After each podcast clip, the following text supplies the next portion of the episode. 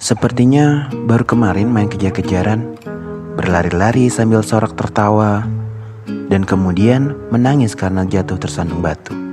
Bahagia, iya, meski tetap ada air mata, namun tidak ada beban kepalsuan di dalamnya.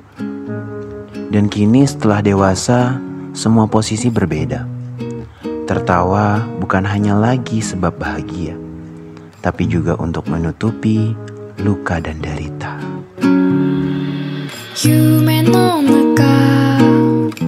ふわふわ雲踏みしめて小さな虹くくると